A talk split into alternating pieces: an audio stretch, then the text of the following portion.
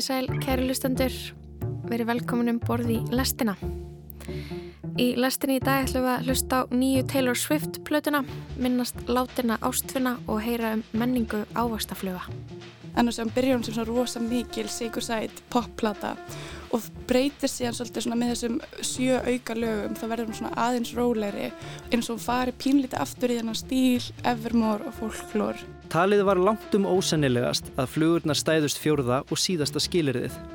Það er að flugurnar þurfa að geta lært af meiri hluta, fremur en að allar síniflugur þurfa að velja sama lit til þess að valið lærist. Í grunninn snýst hátíðin um það að við deyjum í rauninni tvísvarsin. Við deyjum þegar hverjum úr sem heimi og svo deyjum við þegar við sagt, hverfum úr minningum manna. Ég heiti Lóabjörg Björnstóttir og þú ert að lusta á lestina mánudaginn 24. oktober.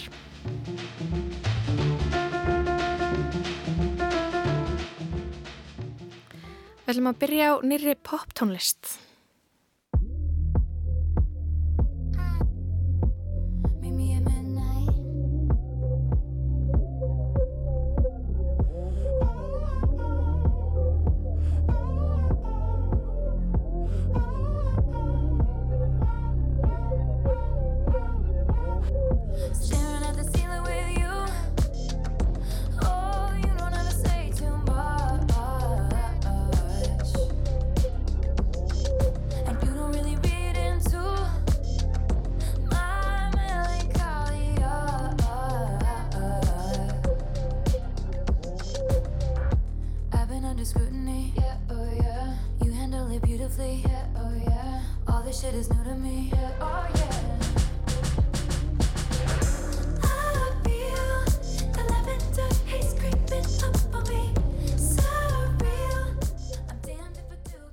Ástísól Ágústóttir, ég starfa sem þýðandi og er að klára bíagráðu í ennsku í Kaupanarháskóla.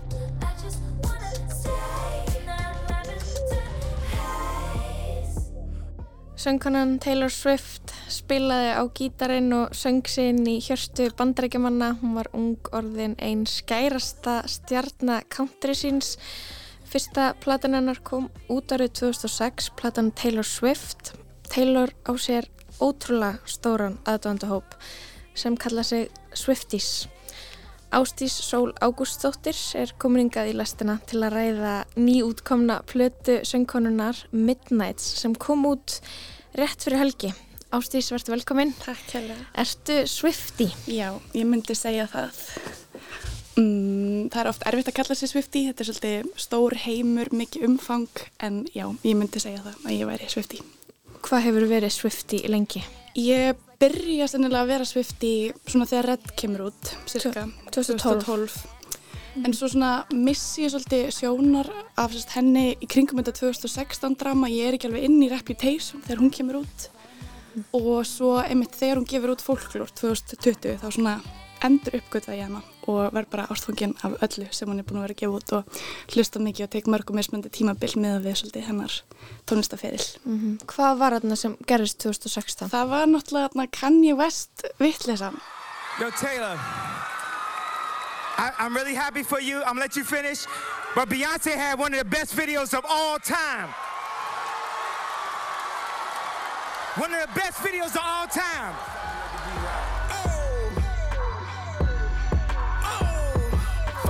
Southside niggas that know me best. I feel like me and Taylor might still have sex. Why? I made that bitch famous. Goddamn. I made that bitch famous. Og ég var einhvern veginn ekki beint heila þvein í það. en ég man eftir að fólk var að tala mjög illa um hana á þessum tíma. Mm -hmm. Og þá var einmitt svona, mér fannst það smá vandræðilegt. Ég bara svona mann mjög vel eftir þessu. Ég mann hvar ég var. Sér þetta allt gerðist. Það ég svona fannst, fannst það smá vandræðilegt að vera einhvern veginn svona Taylor Swift aðdáðandi og einmitt og það er eitthvað svona maður vera glíma við það að vera svona stelpafíla pop tónlist þegar allir voru eitthvað djúft og einhverju rapsinu og maður var að reyna að vera að fylgja því mm -hmm. En svo kom líka einmitt eitthvað pólitik inn í þetta það var Akkurat. verið að vænan um að þarna, stiðja Trump eða að, að hlustendur hennar væru Trump stiðjandur, þetta var svona þegar bandreikin voru kannski svona skipt í rauðfylki, bláfylki og hún er náttúrulega úr countryinu og hún Akkurat. er þarna um eitt biblíubelti Texas þetta eru, þetta er náttúrulega hlustenda, hlustendahópur country síns það sem hún á rætur sínar. En svo er hún líka, sko, minni mig ef ég mann það rétt, var hún eitthvað að tala rosa mikið fyrir demokratapartíða sínum tíma og hvetja fólk að kjósa. Og þá fór fólk einmitt svona að, já, hún var kannski farin að tróða sér inn í einhvern heim sem var kannski ekki sinn eigin og svona fyndi að pæla í Taylor Swift ekki bara sem tónlistakonu heldur einmitt einhverjum pólitíkus líka. Mm og, Einmitt. Og hvað var það, 2019 þá hérna lægið á Loverplötunni þar sem hún er að reyna, eða þar sem hún er að, standa með hinsegin samfélaginu. Akkurat, akkurat. You need to calm down. Einmitt. Þú varst ekki spennt fyrir því? Mm, nei, ég, ég skipa það yðurlega þegar ég er að hlusta á það plötu í heilsinni. Það er nokkur skips á loverplötunni eins frábær hún er. Ég skil þig. Ok, en, en þessi hérna plata, Midnight, hún Einmitt. kemur út rétt fyrir helgi. Eh, þú ert búin að hlusta á hann alla helgina. Akkurat. Hva, hvað finnst þér? Vá, um, þetta er svo mikil popplata og ég dyrka hana fyrir það. En hún skiptist allavega ég, sem ég upplifa hana í tvo hluta. En þess að byrja hún sem svona rosa mikil sigursæt popplata og breytir síðan svolítið svona með þessum sjö auka lögum. þá verður hún svona aðeins róleri eins og hún fari pínlítið aftur í þennan stíl, Evermore og Folklore svona senustu sjö lögin. Ég elska það. Ég elska að stærsta Spotify debut allra tíma sé Sucker Inside popplata. Mér finnst það æðislegt. Um, og bara einmitt svona innfaldir synþar eins og ég er að upplefa þetta setja svona frekar innföld Jack Antonoff pródúsering. Ekkert flókið, lýrist er platan, ekkert bilaslega komplex. Um, en mér finnst það ógslag skemmtileg og ég er bara búin að dansa og syngja alla helgina. Mm Hvaða lög uh, standa upp úr að þínu mati? Ég held að Lavender Haze sé hennar besta opnunarlag allra tíma, bara það er bílaslega gott um, og sko Mastermind, ótrúlega gott um, og Midnight Rain, það kom mér á óvart það tók mér svona tíma að komast inn í það en það kom mér á óvart, þú veist, að ég væri einhvern veginn það gerir eitthvað við mig, það er svona tógar í einhverja hjartastrengi og ég fatt ekki alveg hvað er að gerast. Og af þessum sjölögum þá er það 100% The Great War sem er langt best held ég bara á allri plötunni. Um, en einmitt það er það er svolítið svona meira í folklór og evermore sjanræðinu Mm. frekar en hinn. What if I told you none of it was accidental and the first night that you saw me nothing was gonna stop me? I laid the groundwork and then just like clockwork the dominoes cascaded in a line. What if I told you I'm a mastermind? And now you're mine. It was all by design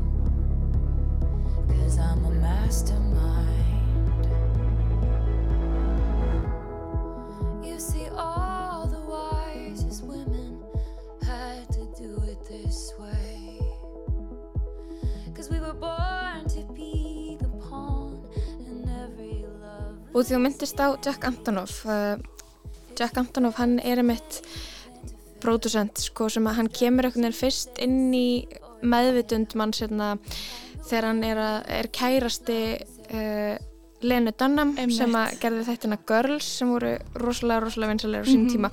Og svo fyrir hann að vinna með uh, Lord, hann fyrir að vinna með Taylor Swift, hann Einmitt. gerði fylgta lögum á Norman fucking Rockwell, plötun hennar Lundel Rey.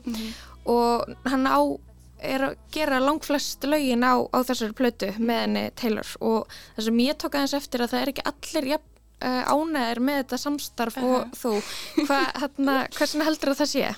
Ég skilða ekki alveg því ég held sko 2020 ég held að margir hafi verið átt svipað þróun í ég og svolítið svona hægt að pæla í Taylor Swift einhver tíma í kringu 2016 kannski ekki alveg verið til í þessa pop tónlist sem er pínu svona, hvað get ég sagt, pínu kjánaleg stundum um, sem er svona reputation pop tónlistin svona kjánalega augrandi og það hittir ekki alltaf í mark en- Ekki nóg töff kannski. Ekki nógu töff, kannski heldur það sem eru töff heldur en að sé.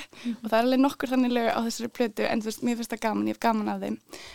Jack Antonoff er, held ég sko, fyrsti pródúser sem ég svona fæ að kynnast af því hann er þarna í Bleachers og er með svona einhverjar 80s nostalgíu típu í gangi með svo skemmtilega, já, nostalgíska tónlist og svona sæta pop tónlist, svona synthakongur um, og ég held um þetta margir sem hafa komið þarna inn 2020 inn í þetta svona sjandra hennar þar sem hún er farin að skrifa svona alvarlegri lög. Eitthvað svona eftir eitthvað COVID, lockdown og einangrun kemur út einhver brjálaslega fallið lýrík Folklór, bara lag með Bon Iver Já, og, og einmitt, svoleiðis. Mhm. einmitt og bara svona vinnur þú veist bara plata ársins grammis ef ég verið að muna það rétt Mhm.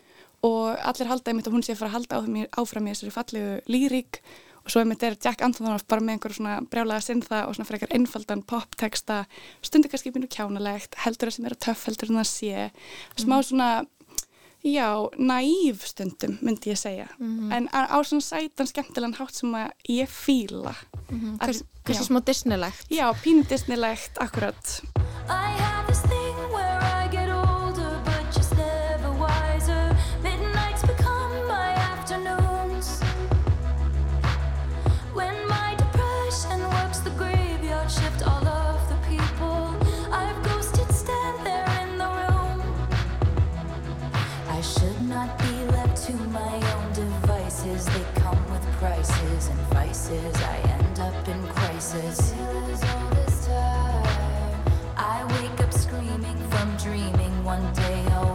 As you're leaving. Cause you got tired of my scheming.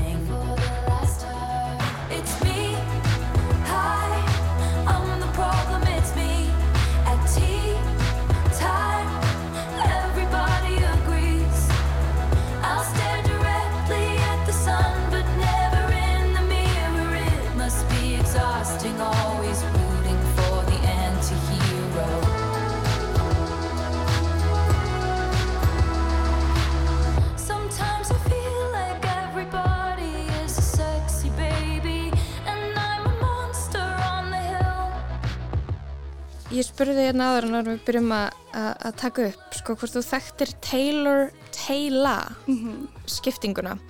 Það er svo sett hlaðvarpstjórnendur, grínistar frá bandaríkjónum sem eru með þættina Las Culturistas þar sem þeir svona rýna í menningu og þeir eru uh, miklir Taylor Swift aðdándur en líka kannski, kannski er það líka þannig hjá mörgum Swifties. Já, ég er samt einhvern veginn séð það fyrir mig sem svona mjög trygga og digga uh, ógaggrína aðdöðundur en þeir eru líka óvegnir í gaggrínu sinni á Taylor þegar finnst hún ekki vera sitt sanna sjálf eða ná sínum algjörlega fulla potential. En þeir kynntu mig fyrir þessu skiptingu. Hvað er Taylor og hvað er Taylor? Og Taylor er Taylor sem er að reyna að vera nett og Taylor er einlega uh, uh, fallega svona kjarna Taylor sem við kynntumst í byrjun og svo þarna reynir hún að vera nett og þá byrjar hún að vera Taylor og það, ég sá okkur svona flokkun hvaða plötur eru Taylor, hvaða plötur eru Taylor og þessi Midnight's plata þau, þau vilja meina að hún sé Taylor Swift Já, ég held ég þarf að vera samanlega því sko. Já. Ó, já. en einmitt þarna Folklore og Evermore eru, eru meiri Taylor Mhm. hver ætli sé einhvern veginn ástæðan fyrir þessu að hún, hún einhvern veginn stundum hittir á akkurat einhvern veginn réttan stað, rétt moment. Og svo getur hún líka verið einhvern veginn svolítið svona bara að fara einhvern veginn rétt fram hjá markinu. Einmitt, ég, einmitt ég pæli í þessu að þú veist, hún fær náttúrulega með þessa pródúsera, hún fær Aron Destner úr The National hljómsveitinni til þess að pródúsera Folklore og Evermore. Og ég held að Jack Antonoff sé líka hjálpa með Folklore mikið, já, mæntalega. Já, Um, og hann einmitt er með þessu svona bara national, bara svaka hljómsveit, bara gjörningum með rakka kjartans, flott hljómsveit. Og hann hjálpar henni að svona stíga virkilega inn í að því hún hefur alltaf verið góðið textahöfundur, ég vil meina það. Um, en hann hjálpar henni einmitt að stíga svolítið inn í sitt kannski sann, sanna stóra texta ljóða sjálf. Og það er frábært. Og það er svo fyndið einhvern veginn að ekki fara tilbaka því þetta er ekki svo þessi upp og áfram. Mér finnst það sína bara fram og kannski meira reyns hjá henni að geta einmitt haldi áfram að semja að því við þurfum kannski ekki að brjótast út úr einhverju svona sætri pop skvísu, þetta er ekki eitthvað sem við þurfum að þróast út úr. Þetta er kannski eitthvað sem við viljum kannski koma aftur inn á og inn í og halda áfram að vera hún, af því það er ekkert að því það maður þarf ekki að vera með eitthvað svona svaka indie listamann skiluru gaur til þess að koma manni út úr einhverju pop dýflisu maður getur alveg verið áfram í henni og það má alveg So I peered through a window, a deep portal, time travel, all the love we unravel, and the life I gave away. Cause he was sunshine, I was midnight rain. He wanted it comfortable, I wanted that pain. He wanted a bride, I was making my own name, chasing that fame. He stayed the same. All of me. Hvað er hún að syngja um á þessu plötu? Taylor er náttúrulega þekktust fyrir, að, fyrir ástanmálinn sín og Mhm. það er eitthvað svona sem er líka gert grína en er líka fyrir það. Þetta er konan Mhm. sem á miljón fyrirhandi kærasta sem syngur alltaf um samböndin og ástina en hvað er hún að syngja um á, á Midnights? Mm, þetta er náttúrulega, þemað er að hún er að tala um einhverjar sveflausar nætur þar sem hún hefur ekki getað sofið og er einhvern veginn að hugsa tilbaka, pæla svolítið í hlutunum. Og mér finnst aðviklisvert við þessa plötu er að fólk einhvern veginn getur ekki leiftinni að standa ein og sér. Það þarf alltaf að vera að tengja það inn í fyrirverandi plötur hún alltaf íjar að því, þetta er einhverjar sveflausar nætur 13 sveflausar nætur yfir sinn feril sem söngkona og tónlistakona það sem ég finnst aðviklisvert við það er einmitt þetta. Hún getur ekki lögin fá ekki að standa sjálf og sjálfstæð og ein. Heldur þarf alltaf að tengja það við einmitt einhvern viðburð, eitthvað sem einhver sagði eitthvað samband, einhver önnur lög. Og jafnvel eru lögin oft í einhverju svona samspili við hvort annað. Þau eru pródúserið á svo svipaðan hátt að það mætti jafnvel blanda þeim saman. Það er spurning hvort að syndatónlist nær þá kannski bara svo langt að þú ert alltaf að fara í sömu rununa og sama ritman, kannski. Um, og nefnitt, hún er að syngja um þetta mér finnst að vera svolítið svona sexy, skemmtileg flört í plata en svo er hún líka svona einmitt að, að skoða og muna, þetta er mikil endurminning í rauninni, um, allt í þetta Hún er að líta yfir farin veg. Já, svolítið Mitt. Mhm. Þannig að það er í rauninni svona konseptið á baku plötuna eru 13 söflisa nætur. Já, já, þú sagði mér aðan að þú hefðir líka hlustað á auka plötu sem Akkurat, fylgdi með. Hva, hvað er það eiginlega? Þetta eru sko að kemur þarna, þetta fyndi að fylgjast með þessu eitthvað svona íslenskum tíma þegar þetta kemur alltaf út klokkan 6 um morgunin, vinnudagurinn að byrja hjá mér og svo klokkan 8 eða 9 um morgunin það kom út þessu sjö auka lög, það var sérst að hún er eitthvað, hún er alltaf að rosa með svona mikla samfélagsmiðla veru, fólk svona tekur þessu mikið eftir henni. Og þá fer hún að tala um að eitthvað klukkan þrjú um nóttina á þeim tíma sem platan á að koma út á Nýbandaríkjunum, ég veit ekki hvort það sé austur eða vestu tími um, þá er eitthvað super chaotic surprise. Og þá eru margir að spá hvort það sé bara auka plata, margir eru farnir að halda það. Og ég var alveg farin að halda það líka þannig til einhver segir svona nei að því hún vill fá svo rosa, rosa góða tölur. Vill bara springa út með þessa plötu þannig að það myndi ekki meika sens að það eru tvær plötu sem kom út í einu og er hún aldrei að fara að ná hana, fyrsta sæti Já, á að listanum. hvor aðra, Akkúrat. einmitt. Mhm. einmitt. En svo kom út bara, kom út bara sjö auka lög sem er þú veist já, það er meirinn helmingur af lögunum sem eru þú Einmitt. veist, það eru 13 lög sem kom út fyrstu plötunni og svo kom út sjö auka lög, það er einmitt bara helmingur cirka.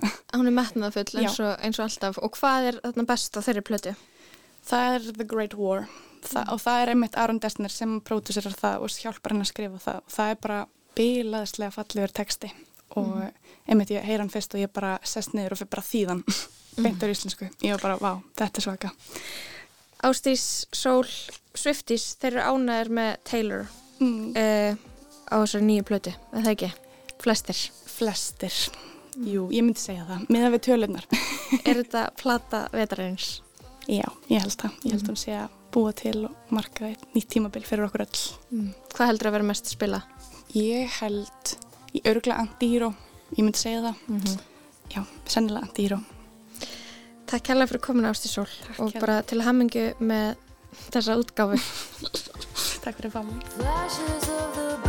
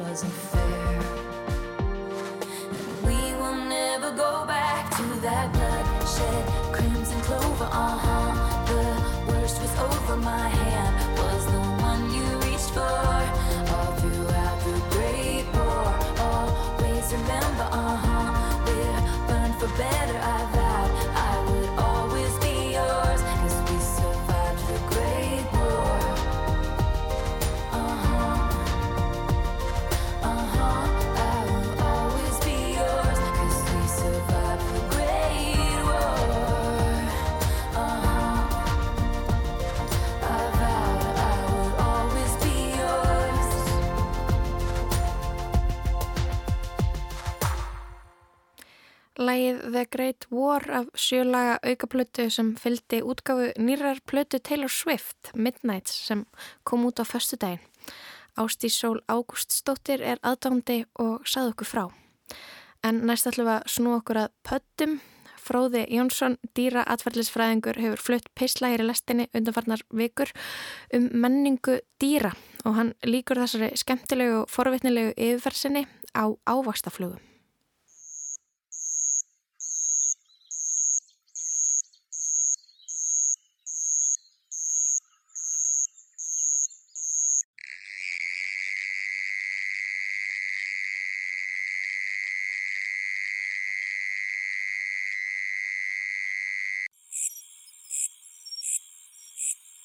Skordýr eru ekki fyrsta dýrategundin sem fólki dettur í hug þegar það hugsa um greind dýr.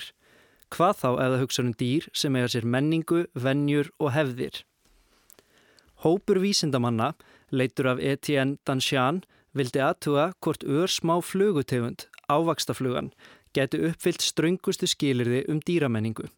Þau sem hafa hlustað á pistla mína síðustu vikur þekkja mögulega orði skilgreiningun á menningu sem oftast er notuð við dýraransóknir. Þar sem menning er sögðu vera fyrirbæri, þekking eða atferðli í samfélagi sem er viðhaldið með félagsnámi. Félagsnám dýra er svo sálærdumur sem er auðveldaður með því að fylgjast með, umgangast eða eiga samskipti við annað dýr, oftast af sömu tegund eða afurður þess. Enn fremur hef ég komið inn á að ekki eru allir sammála því að dýr geti átt sér menningu og því vilja einhverjir að skilirðin fyrir þeirri flokkun séu strángari þegar kemur að stýrasamfélögum.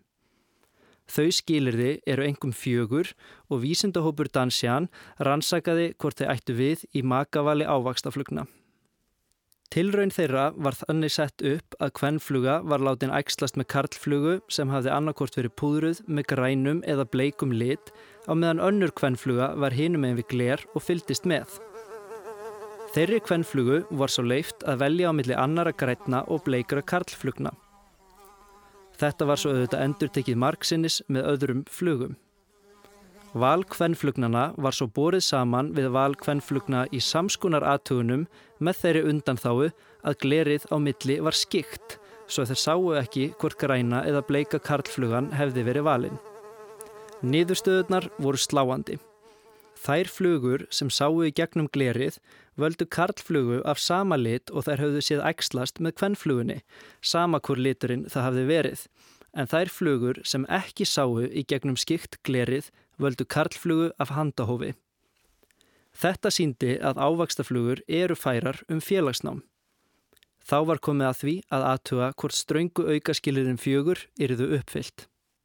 Samkvæmt fyrsta skilirðinu þarf félagsnám dýra að fylgja lóðréttri útbreðslu sem þýðir að það eigi sér stað á milli kynnslóða en ekki einungis á meðal jafnaldra.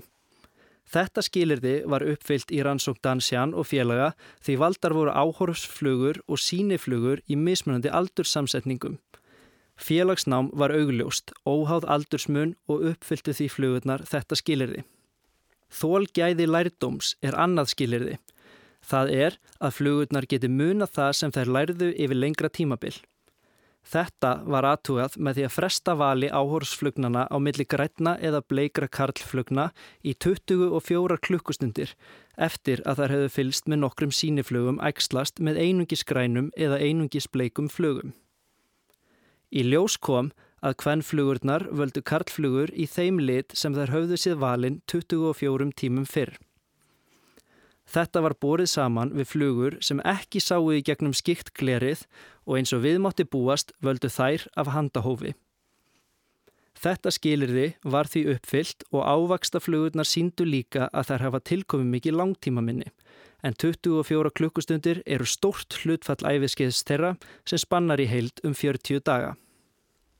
Samkvæmt skilirði þrjú þarf að vera augljóst að lærdómurum byggist á eiginleikum fremur en einstaklingum. Ef hann væri byggður á einstaklingum mætti ætla að hvern flugurnar heldu að þær væri að velja sér þá karlflugu sem þær sáu áður ægslast vegna þess að svo einstakafluga væri vænleg til ægslunar, frekar en að eiginleikin, það er að hún væri græn eða bleik, hefði úrslita áhrif.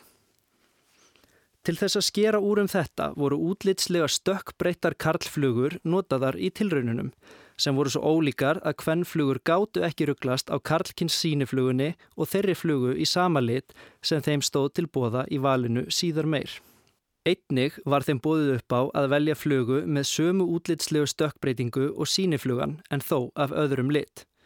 Uppfylltu þær skilirðið þar sem þær heldu áfram að herma eftir litavali kvennkinn síniflugnana og skeittu lítið um einstaklingsengini. Talið var langt um ósennilegast að flugurnar stæðust fjórða og síðasta skilirðið. Það er að flugurnar þurfa að geta lært af meiri hluta, fremur en að allar síniflugur þurfa að velja sama lit til þess að valið lærist. Þróunarfræðileg ástæða þessa fyrirbæris er svo að ekki er æskilagt að stökkbreytingar eða frávik frá því sem menning hefur mótað breyðist út í samfélögum. Þetta prófuðu Dansjan og samstarfsmenn hans með því að búi til sex hyrningslaga rými fyrir kvennflugu þar sem útveikinnir voru úr gleri og vísuðu hver inn í annað rými. Í hverju þessara sex rýma paraði kvennkinn sínifluga sig við karlflugu af öðrum kórum litnum. Hlutfallinu á milli grætna og bleikra karlflugna var stjórnað og allar mögulegar samsetningar á lit þessara sex karlflugna prófaðar. Þegar þær voru þrjár af hvorum lit völdu kvennkins áhorsflugurnar af handahófi í síðari tilraunum en um leið og annar liturinn var í meiri hluta tóku kvennflugurnar þann lit fram yfir hinn. Áhrifin voru jafn sterk sama hvort það voru fjórar, fimm eða sex af karlflugunum sex í sama litnum. Þar með voru öll skilirðin uppfyllt. Niðurstöðunar síndu að ávaksstaflugur búa yfir hugrætni hæfni og félagseginleikum til þess að búa sér til hefðir, vennjur og menningu. Jafnvel þó að ströngustu skilirði evasendarmanna þurfi að vera uppfyllt. Það er þó ekki þar með sagt að viltar ávaksstaflugur eigi sér menningu í raun en niðurstöður þessara snjöllur ansóknar sína fram á að mögulega eigi mun fleiri dýrategundir sér menningu en við mennirnir hefðu nokkur tíman getað ímyndað okkur. Það eru því spennandi tímar framundan innan fræðasuðis dýramenningar. Sérlega áhugavert þótti vísindasamfélaginu að ávakstaflugur skildu uppfylla skilirðið um meiri hlutalærdóminn svo sterklega. Rannsóknin þykir vera engar gott dæmi um það hvernig menning getur haft áhrif á þróun þar sem eiginleikar breyðast út sem ekki yrðu valdir af náttúruvali vegna þess að þeir auka ekki afkomi möguleika dýrana. Hjá okkur mönnunum hefur einni verið sínt fram á að við viljum falla inn í hópin. Jafnvel í aðstæðum þar sem við vitum að réttara væri að fara á móti strömmnum. Þetta hefur verið tengt við öryggistilfinningu þar sem við teljum að örugast sé að gera það sem meiri hlutin gerir. Frægasta rannsóknin á þessu sviði er án Eva rannsókn félagssálfræðingsins Solomons Ass frá 1956. Ass gerði margar rannsóknir á félagstrýstingi og meiri hluta samsvörun en í þessari rannsókn síndi hann hópi fólks stryk á bladi og fekk það til þess að benda á hvert nokkura annara stryka væri jafn langt sínidæminum. Eitt þeirra var augljóslega jafnlangt og þar með rétta svarið en Ass hafði komið því þannig fyrir að áður en þáttakandur fenguð að svara svöruðu sjálfbúðaliðar á hans vegum sem þáttakandur heldu að væru aðrir þáttakandur. Sjálfbúðaliðarnir svöruðu viljandi ránt með því að nefna annað stryk en það sem augljóslega var jafnlangt. Stór hluti þáttakanda tók svo undir þetta ránga svar, einfallega til þess að falla inn í hópin og vera sammála meiri hlutanum en hvatinn þar á bakvið hefur verið tólkaður sem aðlugunar þáttur okkar rót gróna menningarlega eðlis.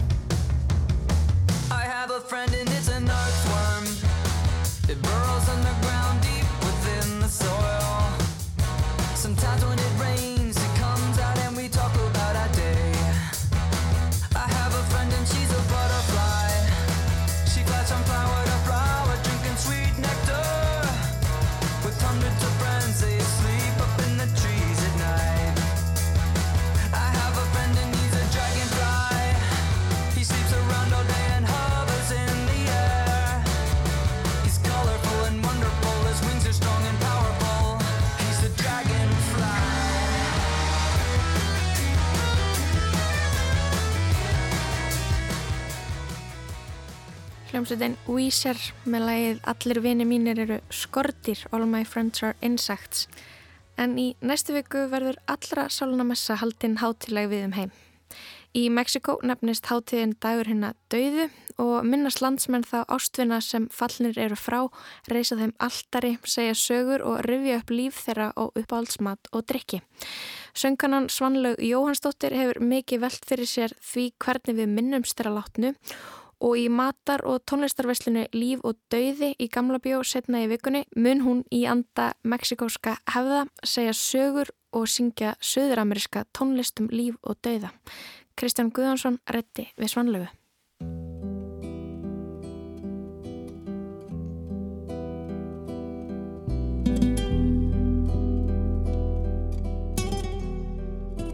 Já, ég heiti Svanlaug Jóhannsdóttir. Ég kynni mig oftast sem söngkona og sögumadur. Mér finnst ótrúlega gaman að segja sögur, kynnast menningu og ná langt inn í hjarta á fólki. Svanlaug, hvenær fórst að pæla í um, degi hinn að dauðu um, Dia de los Muertos? Mjög vel gert hjá þér, um, margt í spænsku mælandi Ameríku hefur vakið aðtekli mína í tölvört langan tíma. Svo náttúrulega þessi dagur er svo mjög ólíkur öðru sem að við þekkjum þannig að hann vakti þannig aðdegli hjá mér svo átti ég bestu vinkunu á Íslandi sem var frá Mexiko eða hún er frá Mexiko, fluttið til Kanada núna og ég var svo forvitin þannig ég byrjaði að spyrja og spyrja og spyrja og spyrja og tengjast og skilja og, og máta mig við. Og ég sér satt og maðurinn minn gengum í gegnum það að missa lítið barn. Hann var bara mána gamall þegar hann, hann fjall frá og spítala í, á, hérna á Spáni. Og þá þarf maður svona svolítið að skoða lífið upp á nýtt. Uh, allavega að setja í gegnum smá fíltur og þess að býta, er ég að gera allt þess að ég vil vera að gera það? Mm. uh, þegar að ég var það núti að því við byggum á spáni að þá ég vákvað hlíti verið að vera erfitt að vera einhvern sem þykir væntu með á Íslandi. Mm, hérna, ég er svo langt í burtu og það er mikið að gera einhvern veginn bara að vera viðstættur á spítalunum og ég hausa ok, ég ætla að reyna að nálgast að mikið og ég get með því að skrifa mjög stóra, langu og opna status á Facebook. Mm -hmm. Og ég hausa að þetta gæti ég gert til þess að þegar ég kæmi svo til landsins að þá getur þú sagt, heyrðu, ég las þarna þetta, það var nú áhugavert. Eða þú veist, mikið var að sást að lesa þetta þarna, allavega einhvern veginn að veri auðveldra að tengjast mér. Og mér fannst ég rosalega dölið þessu mér fannst mjög sárt fyrir hérna hvað þeim fannst erfitt að tala um mig. Mm -hmm. Og ég myndi það alveg sjálf þú veist að ég var ekkit eitthvað áttu ekkert sérstaklega góða sögu ég verði að, að kunna tækla erfiði málin með þeim sem ég ekki væntum. Mm, þá fór ég bara að hugsa, heyrðu við erum á Íslandi ofbúslega góð í að tala um lífið Veist, ef einhver kona er ólið, þá bara fyktu við í bumbuna á henni og bara ætlar við að vera með á brjósti? Nei, ekki, hvud og hvernig áilar veggirnir á barnaherbygginu að vera? Og hvernig kerru, þú veist, það skiptum okkur að öllu. Þegar kemur að lífinu, þegar kemur að dauðanum þá eru við einhvern veginn bara æj, hún vil lurglega ekki tala um þetta. Mm -hmm. og ég höfst það bara, vá, hlýtur að vera einhvern annar í heiminum sem er betri í þessum við, þú veist. Við getum lært af einhverjum og þá fór ég að sökka mig svolítið í þetta. Og náttúrulega tónlistin hefur svona snert hjarta mitt og, og ég myndi segja allar frumur líkamanns síðan ég var 17 ára, síðan ég byrjaði að læra spænsku og fór að fatta hvernig maður getur sagt hlutinu öðruvísi á spænsku heldur en á íslensku. Mm. og smám saman þróaðist þetta. Tú eres la tristeza y de mis ojos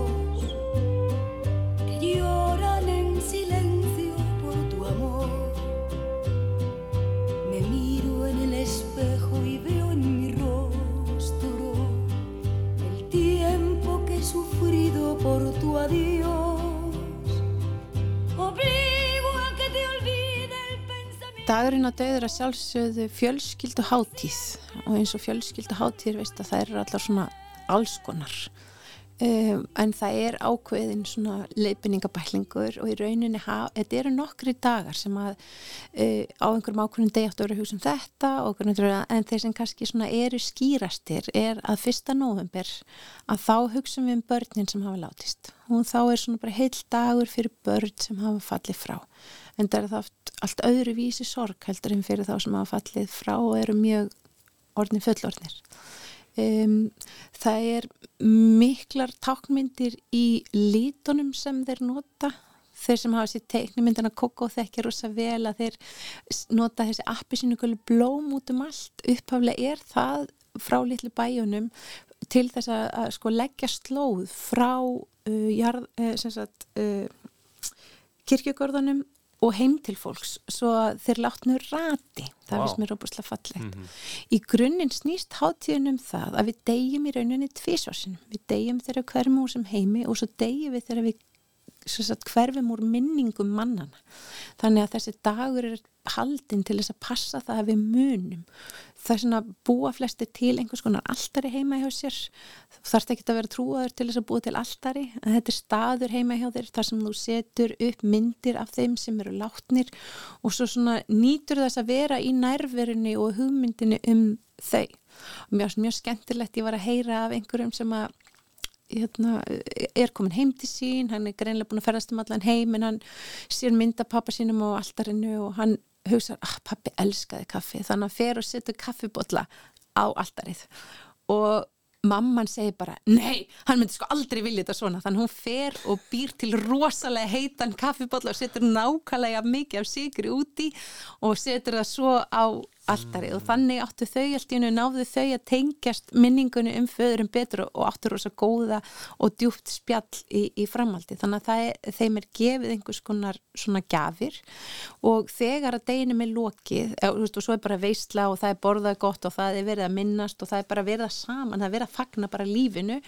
En svo daginn eftir eða, eða einhverjum dögum síðar þegar að fara að taka nýður alltari þá er mjög mikilvægt að þú hendir þessu mat af því það er búið að taka úr hennum alla næringuna Mm -hmm. þetta, er svona, þetta er svona stutt á útgáðan, þetta er 3000 ára hefð sem að var haldin meira sumri til en þegar að katholskan á einreið sína þá komast þeir í samkommulegi þeir fá halda þessari hefð bara þeir reyfið aðeins og þeir sé á svipun tíma og hérna allra sálu að messa sem að er í kringum Halloween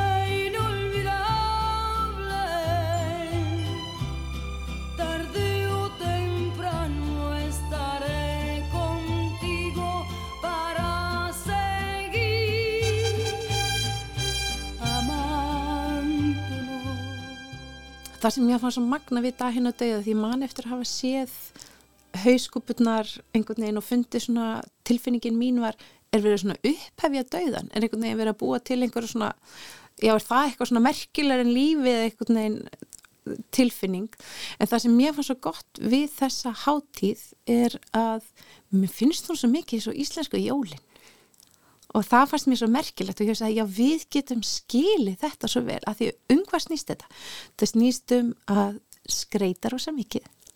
Þetta snýst um að vera saman snýst um að búa til rosa mat leifa sér að hlakka til kvíla í eins og við kvílum í aðvendunni að það fóði að kvíla í tímanum þar sem að eh, þau velta fyrir sér og hugsa um sérstaklega mikið fólkinu sem er liði og við kannski bökum kökuna sem amma gerði alltaf. Og við erum alltaf glöð þegar amma gerði þarna rullutertuna og við skálum í viskinu sem var, eða tequílainu sem var uppbólst tequíla þess afa og við hugsaum bara oh, einmitt. Og við fáum mm -hmm. svona kvíla í minningunum og kvíla í ástunni sem við höfum til þeirra. Og ég sagði já, það er nefnilega alls ekki mörg lönd í heiminum sem eiga eitthvað sem er heilög stund jól í rosamörgum löndum er bara parti en á Íslandi fyrst mér við ennþá halda í svona mm -hmm. þetta að tíminn stendur er lítið í stað og við erum saman og við erum til staðar fyrir hvort annað. En, en við eigum samt ekki neina svona hátíð sko, sem að snýst svona beint um þá sem að eru hornir á bröð látnir sko, þú veist, ég minna jólin auðvitað, við, við, við hugsaum auðvitað til fólksins sem, a, sem að var með okkur leiðis, en, en ekki kannski, það er ekki svona skýr, skýra markmiði með þeirri háttíði. Það er alltaf rosa mikið búið breytast á síðustu árum um alls konar hluti. En um, svona gegnum gangandi fannst manni svolítið skýrt í samfélaginu svona, jæja, ertu hún ekki bara að fara að komast yfir þetta? Ertu ekki bara að fara, þú veist, eins og maður myndi losa sig við sjútum, pína lítið, mm -hmm. en auðvitað kemst maður aldrei yfir það að einhver sem skiptir maður málið sér farin maður bara lærir að lifa með því eða vensti eða eitthvað svona. Og svo finnst mér svo sárt að hugsa um þá sem gerði allt rétt eftir bókinni svona sangkvæmt íslensku reglubókinni. Og bara mætti vinnuna daginn eftir og var alltaf ógæslega dugleg og bara æðisleg. Og svo kannski 15 árum síðar fréttur að því að þau reynda fremja sjálfsmárð eða fremdu sjálfsmárð mm -hmm. og þetta að fá að beigjast í sorginni en ekki brotna síðar að ég er svona að reyna að búa til uh, svona plæja akurinn fyrir því að við getum svona breyta eins hugmyndunum okkur um þetta og mm -hmm. nú er þetta þrjaskipti sem ég halda þessa tónleika og ég finn strax að fólk kemur til mín með sögur sem einhvern veginn næra mig svo mikið og bara, þú veist, grátandi fullorðin karlmaður um sjötökt sem að kannski hefur alveg upp í svona því að hann neyja vera á einhvern hátt Eh, fær að koma til mín grátandi eftir tónleikan og segja bara, það, ég er hvað sem er alltaf að hugsa um hana með mig, ég ætti bara að leifa mér að setjast niður og kveikja kerti og bara njóta alls þess góða sem hún gaf mér, þú veist, mm -hmm. ég á að fá kvíla í ástunni minni. Og hérna, já þannig að það er bara strax núna, þú veist, eftir tvo tónleika það er svo margar sögur sem að eru búin að koma aftur til mín og ég er svo spennt að fá að reyfa við fleiri fólki með því. Mexikoska tónlistin er ofbúslega góð í þessu. Mm -hmm. Sko það, það að líka tala við fólk lítur að um, skipta svo miklu máli að því að um, kannski þegar maður lendir í einhverjum áföllum þá skiljanlega finnst manni sársöki sinn vera einstakur og engin annar hafi upplifað svona mikinn sársöka eða þennan sársöka mm -hmm. en svo þegar fólk fer að tala saman þá áttaði þessi á, á því að að allir upplifa döðan Akkurat, ég, ég bara gleymið aldrei þegar sko, við vorum búin að missa drengin okkar og ég fekk að hitta aðra móður sem hefði líka mist batnið sitt. Og hún var bara allir lægi Veist, hún var ekkert hálf og vant ekkert á hana handleikin eða hausin eða eitthvað, hún bara, hún andaði eins og bara allir hinnir og mm -hmm. það gaf mér óbúðslega mikið.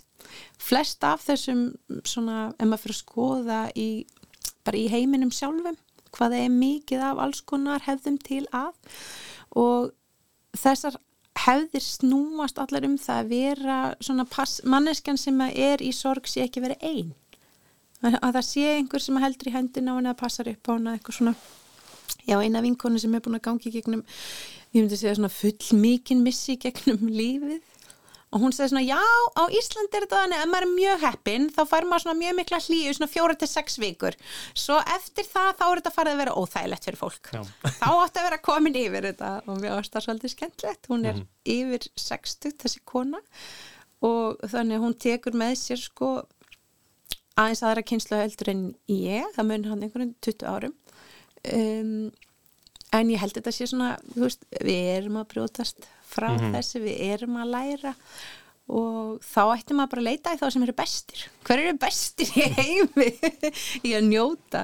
Ég, ég var líka að heyra í hérna, Afrika á mörgum stöðum þegar eru gerðað fyrir þá alltaf dansað og nú erum við svolítið búin að læra að forferum okkar að þegar maður er leiður þá sitjum maður kjur og helst einn og loki og það sé neitt en kannski ef maður er búin að læra það að maður er alltaf að dansa þegar maður mm -hmm. er mhm. leiður kannski ferða þá hraðar í gegnum líka menn ég veit það ekki ég bara segja það er svo marga leiði til og vættum enn til að skoða þær af því að ég heldur sér mikið best í heimi í þessu ekki einu sinni með höðutölu Hérna En, en listin eru þetta líka ótrúlega góður svona vettvangurum til þess að eiga í svona erfiðu samtali til að tala um erfiða tilfinningar og erfiða reynslu. Þú ert að fara að halda þessa tónleika um, þar sem að þú svona uh, nálgast, nálgast döðana á, í, í gegnum tónlistina, gegnum, gegnum líka mat og sögur. Mm -hmm. En hérna, hva, hvað ert að fara að syngja? Hva, hvaða tónlist er þetta? Sko, nálgast þetta helst, eða ég nálgast eða alla tónleika sem að ég er með þannig að ég vil láta fólk klæja allavegna svona 5-6 sinum og gráta allavegna einu sinni. Og þá meina ekki að veist, það þarf ekki að vera eitthvað rosa þúmt og eitthvað rosa sorglegt, það var rosa gott þegar að amma dó, þú veist að því hún var tilbúin til að fara, ekki, er ekkit öll öll döðsföll sem er eitthvað rosalega dramatísk eða sorgleg en þau eru það svo sannarlega. Um, mér, ég lærði þegar ég var 17 ára uh, kynntist ég fyrsta meksikoska tónlistamannin og að hlusta hann syngja það er bara eins og að vera um afinn í flauil og allt í hennu bara 17 ára þá var ég bara oh, nú veit ég hvernig ég vil að ástin mín sé.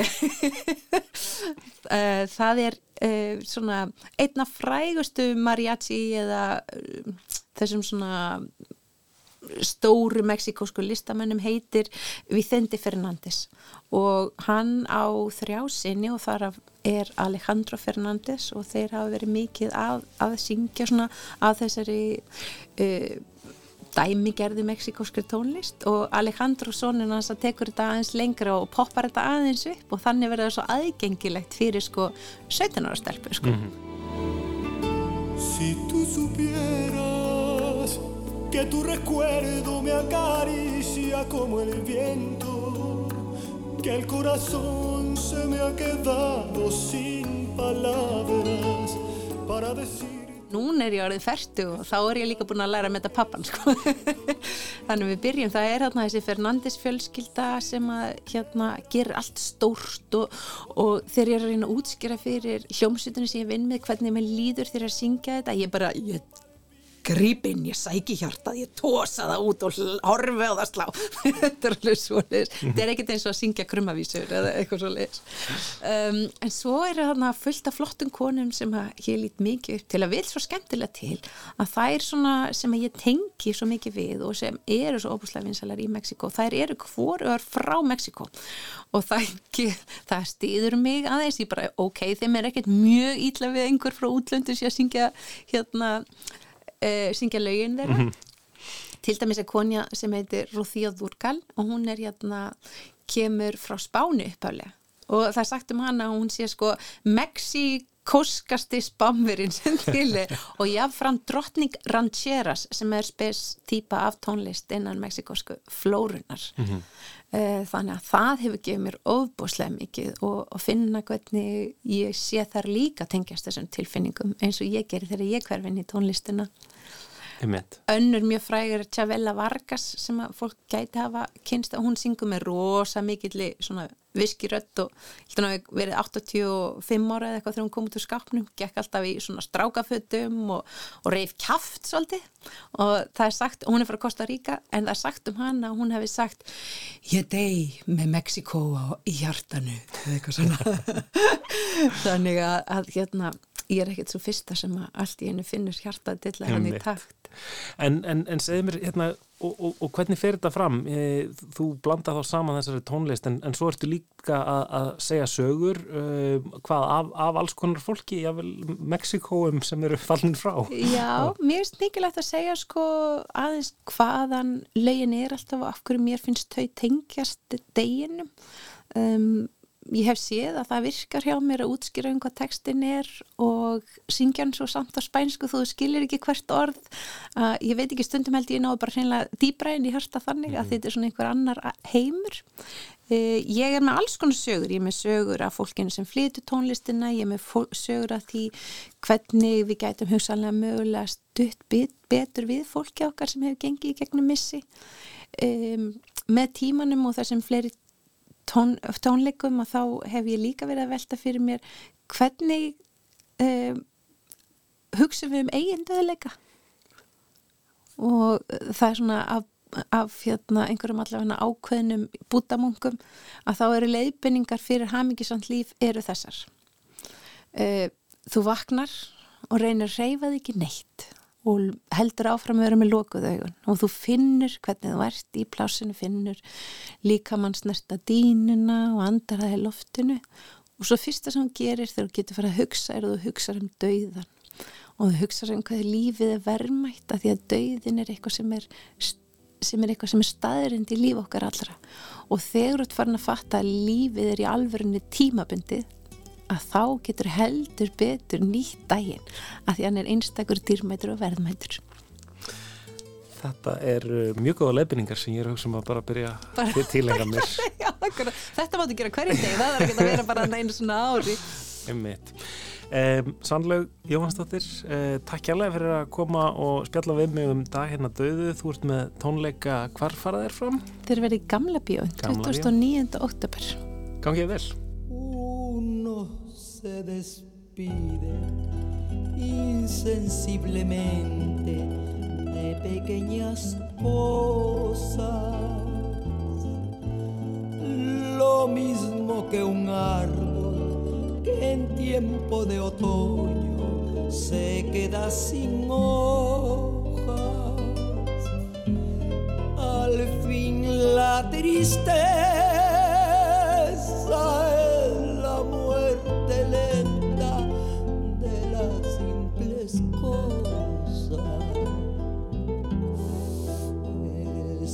cosas simples que quedan doliendo en el corazón.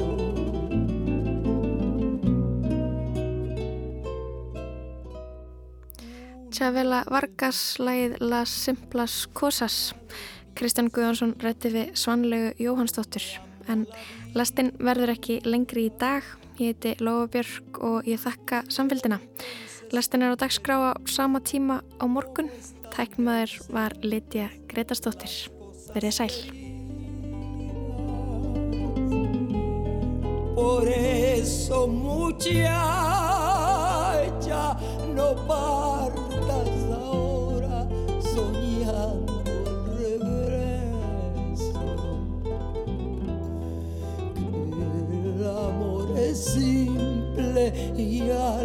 Cosas simples las devora el tiempo. Demórate aquí en la luz solar de este mediodía, donde encontrarás con el pan al sol la mesa tendida.